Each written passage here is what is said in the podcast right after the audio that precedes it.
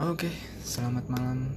Uh, waktu ngerekamnya sih malam ya, nggak tahu waktu dengerinnya mungkin selamat siang, selamat pagi, selamat sore. Uh, selamat datang di podcast yang saat ini belum ada namanya sih. Mungkin oh udah pasti sih setelah ini publish nanti udah pasti ada namanya karena syarat dari platformnya harus punya nama kalau mau publish. Uh, di podcast ini gue akan lebih banyak mengeluarkan isu kepala gue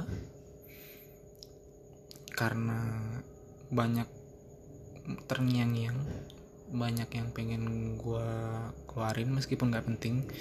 Karena opini gue nggak penting untuk banyak orang tapi tetap aja pengen gue omongin. Sekaligus gue pengen uh, mengembalikan uh, naluri menulis karena kalau bikin kayak gini juga kalau nggak ditulis dulu itu berantakan. Gue juga nggak pengen ini banyak didengar karena semakin banyak didengar semakin bahaya. Satu dua ya emang nggak penting aja. Tapi kalau ada yang dengerin ya terima kasih. Di sini uh, gue nggak banyak minta persetujuan. Minta kalian setuju apa yang gue omongin. Tapi paling nggak uh, kalian bisa punya pandangan lain, pikiran lain bahwa ada pemikiran seperti ini di kepala orang lain gitu. Jadi nggak mulu uh, apa yang ada di pikiran kita yang penting gitu. Uh, untuk episode yang pertama ini gue pengen ngomongin satu hal yang banyak dibahas orang nggak banyak dibahas orang sih cuman banyak muncul di uh, paling nggak muncul di timeline sosial media gue tentang bagaimana kita mempercayai sebuah data, mempercayai sebuah opini, mempercayai sebuah konspirasi. Gua melihat bahwa banyak sekali dari uh, kita atau dari apa yang gue lihat di lingkungan sekitar bahwa banyak sekali orang yang hanya percaya langsung 100% kepada seseorang, kepada sesuatu, pada satu konten, pada satu pihak tanpa memiliki keraguan. Benefit of doubt itu penting. Masa ya sih kita bisa percaya secara 100%, bisa percaya 100% sama orang yang bahkan kita belum pernah lihat secara langsung belum pernah kita kenal secara langsung. Bahkan gue sendiri nggak ada yang nggak percaya 100% gitu sama orang-orang yang ada di sekitar gue gitu. tapi memang hal kayak gitu gue juga mengakui pernah melakukan itu. Gue belajar banyak gitu. Terutama uh, ketika 2014 ya. Ketika 2014 itu gue percaya 100% mati-matian sama seorang public figure gitu seorang calon presiden yang kemudi kemudian di uh, beberapa saat kemudian beberapa waktu kemudian nggak lama setelah itu setelah tahun itu memberikan kekecewaan pada gue gitu. Dari situ gue belajar gue banyak baca gue banyak dengerin bahwa memang nggak bisa gitu kita percaya 100% sama apa pun yang kita dengar yang kita lihat.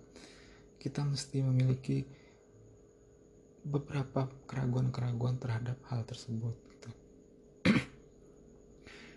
masa iya sih lu bisa percaya 100% sama orang? Nggak nggak mau gitu. Uh, percaya 80% aja gitu 20% ragu-ragu. Padahal itu penting gitu. Uh, hal-hal yang kayak gini kenapa hari kayak gini penting?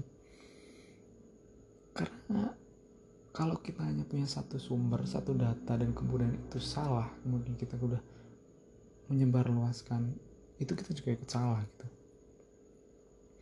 Ada banyak bahan untuk pertimbangan untuk bahan bacaan ada untuk bahan yang ditonton. Zaman kan sudah serba canggih udah serba canggih gitu kan. Uh, kita nggak bisa nggak nggak ada dalih gitu. Ah ini yang cuma tersedia cuma ini gitu. Enggak itu banyak pilihan.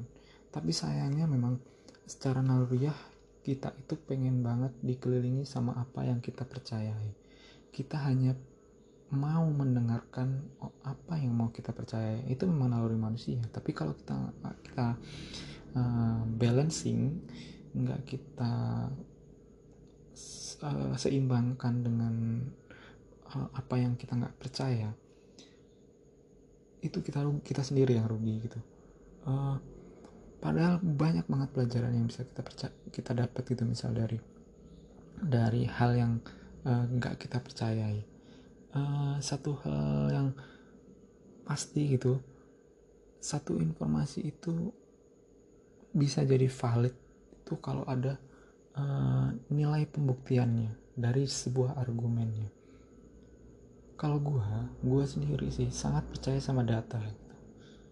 apa yang uh, ada datanya itu gue percaya gitu. ya meskipun nggak 100% ya kayak gue bilang tadi tapi paling nggak dia ada data pembuktiannya dan dia bisa dipersalahkan. Kenapa dia bisa dipersalahkan? Karena konsep dari uh,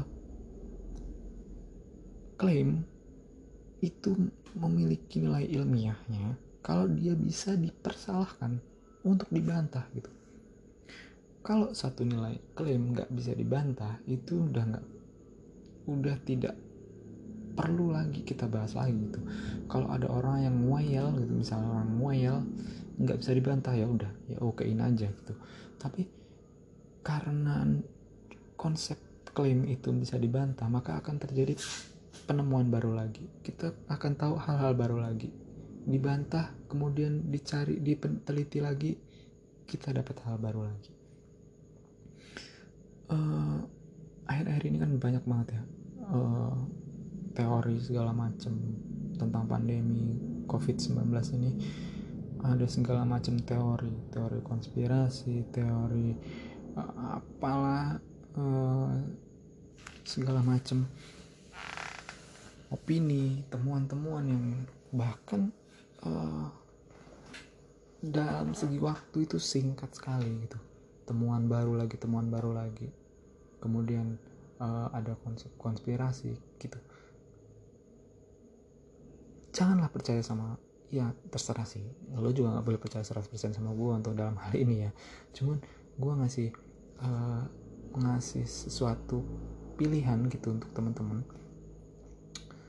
uh, hal yang bisa kita ragukan gitu